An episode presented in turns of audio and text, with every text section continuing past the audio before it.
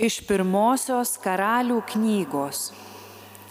Jerobeamas savo vienas galvojo, karalystė gali vėl pritapti prie Dovydo namų. Jei šioji tauta eidinės į Jeruzalę aukoti atnašų viešpaties namuose, tai josio širdis vėl atsigrįž į savo valdovą, į judo karalių Rehebeamą. Jie mane nužudys ir sugrįž prie judo karaliaus Rehebeamo. Gerai apgalvojęs, jis liepė nulėti du aukso veršius ir prabilo į tautą. Jūs jau per daug į Jeruzalę prisėjote. Izraeli, štai čia tavo Dievas, kuris tave išvedė iš Egipto.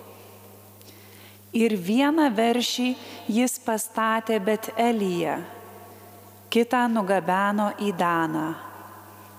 Tasai pasidarė nuodėmės progą. Tauta ėmė eiti likdano prie vieno veršio. Taip pat jis pastatė aukurus ir paskyrė kunigus, kilusius iš visų tautos dalių ir Levio sūnums nepriklausiusius. Aštuntojo mėnesio penkioliktąją dieną Jerobeamas surengė šventę, kuri atitiko šventę Jude. Jis ėjo prie aukuro bet Elyje aukoti savo paties padirbintiems veršiams. Bet Elyje liepė eiti tarnystę ir kunigams, kuriuos buvo paskyręs prie alkų. Jerobeamas ir po šio įvykio nepasuko iš savo piktojo kelio. Jisai ir toliau skyrė prie alkų kunigus iš visų tautos dalių Kiekvieną, kas to norėjo, jis skirdavo aukštuoju kunigu.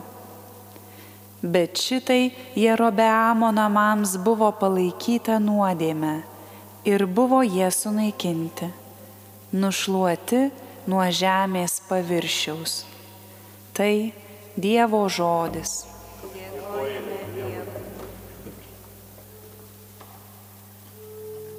Džiaugiasi valdovas viešpatie,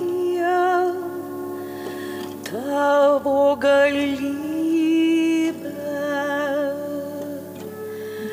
Džiaugiasi valdovas viešpatie,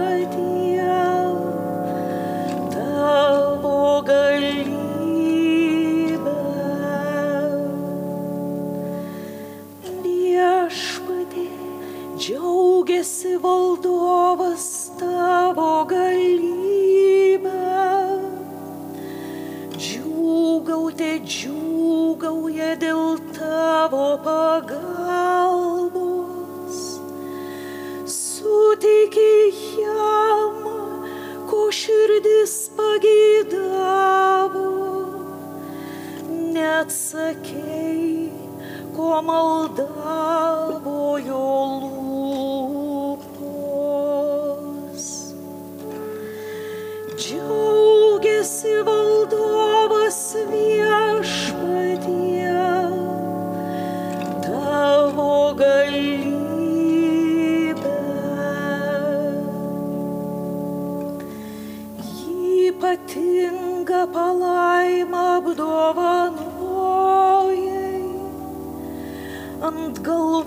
galvos jam uždėjai grino aukso vainiką.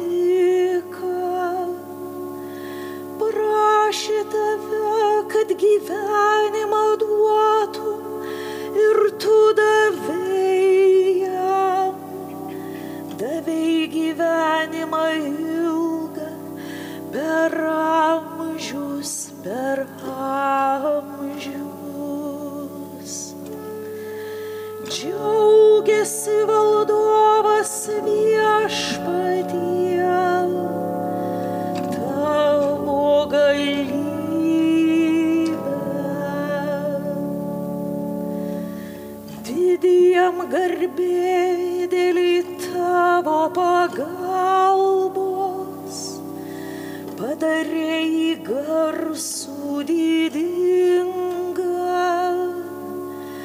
Tu jį padarei amžių palaimą, savo veido šviesą jam pažiūrėjai laimę.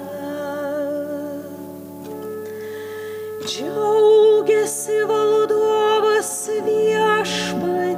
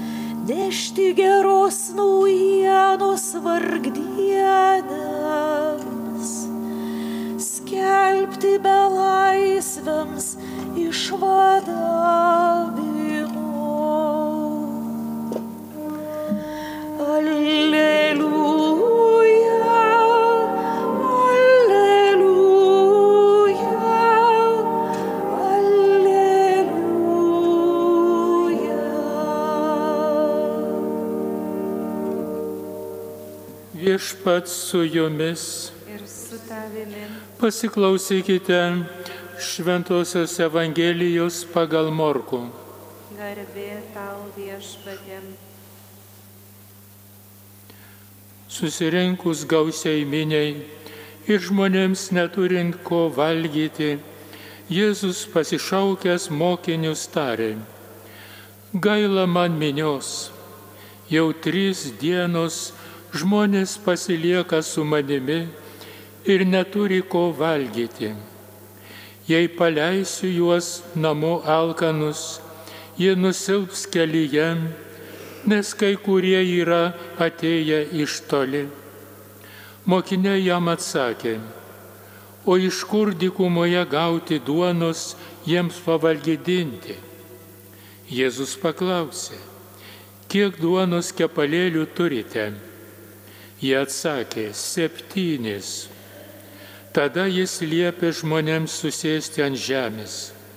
Paėmė septynis kepalėlius, sukalbėjo padėkos maldą, laužė ir davė mokiniams dalyti ir tie padalijo miniai.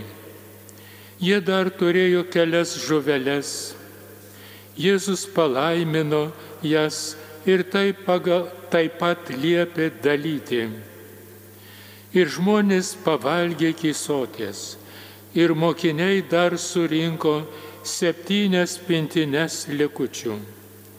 O buvo apie keturis tūkstančių žmonių. Jis atleido juos ir netrukus įsėdęs su mokiniais į valtį, nuplaukė į Dalmanutos sritį. Girdėjote viešpatie žodį. Šalovė tau, Kristau. Prašom sėstis. Kalbėdami tikėjimo išpažinimą sakome, tikiu Jėzų Kristų, vienatinį jo sūnų mūsų viešpatį, kuris prasidėjo iš šventosios dvasios, gimė iš mergelės Marijos. Jeigu tikime, kad Dievas atsiuntė savo vienatinį sūnų, jeigu tikime, kad Dievo sūnus dėl mūsų mirė ir prisikėlė, tai neturėtų būti sunku patikėti Kristaus stebuklais. Dievui nėra negalimų dalykų. Ar reikia bejoti Kristaus duonos padauginimu, jeigu jis iš mirties prisikėlė, jeigu šiandien augina savo eucharistinę duoną, viso pasaulio tikintieji ją stiprinasi ir jos nepristinga, kad tik mūsų tikėjimo nepristiktų. Žvelgdami gyvenimą tikėjimo akimis, ir mūsų dienomis galime rasti stebuklingų Dievo veikimo pėdsakų. Kas šiandien galėtų tvirtinti, kad liurdė nebūna stebuklingų išėjimų? Tarptautinis gydytojų komisijos dokumentai patvirtina tų išgyjimų antgamtiškumą. Štai trumpa garsiojo Aleksio Karelio istorija. Šis vyras puikiai baigė medicinos fakultetą, tačiau visiškai pasinėręs į medicinos mokslus prarado tikėjimą. 1903 metais Karelis kaip gydytojas lydi į liurdą vykstančius ligonius. Čia jo akivaizdoje dieviškosios malonės gale įvyksta stebuklas. Jis savo akimis mato, kaip pasveiksta ligonis, kuris žemiškomis priemonėmis buvo nepagydomas. Gydytojas Karelis labai gerai žinojo šio ligonio beviltišką būklę ir su nuostaba stebi ligonio pasveikimą. Tai buvo dvigubas stebuklas. Ne tik ligonis pasveiksta, bet ir netikintis gydytojas, anatomijos profesorius atgauna dvasinę sveikatą, tvirtą tikėjimą. Vėliau šis mokslininkas, Nobelio premijos laureatas, rašys. Žmogui reikalingas Dievas, kaip reikalingas jam oras ir vanduo. 2002 m. birželio 16 d.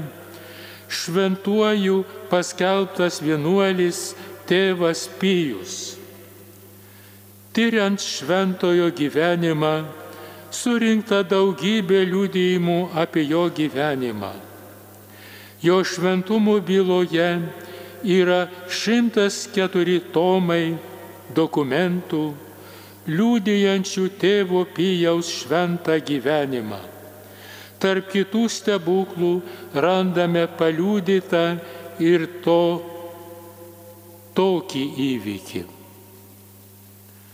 1939 metais Italijoje Di Georgi šeimoje gimė akla mergaitė, pakrikštyta vardu Gema. Jos aklumas buvo nepagydomas, nes neturėjo akių lėlyčių. Paugėjusi mergaitė noriai rengėsi pirmajai komunijai.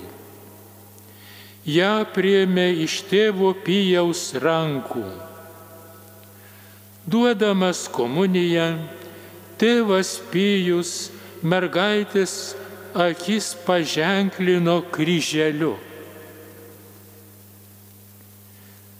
Kai Gema su savo močiute važiavo traukiniu namo, įvyko nelauktas dalykas.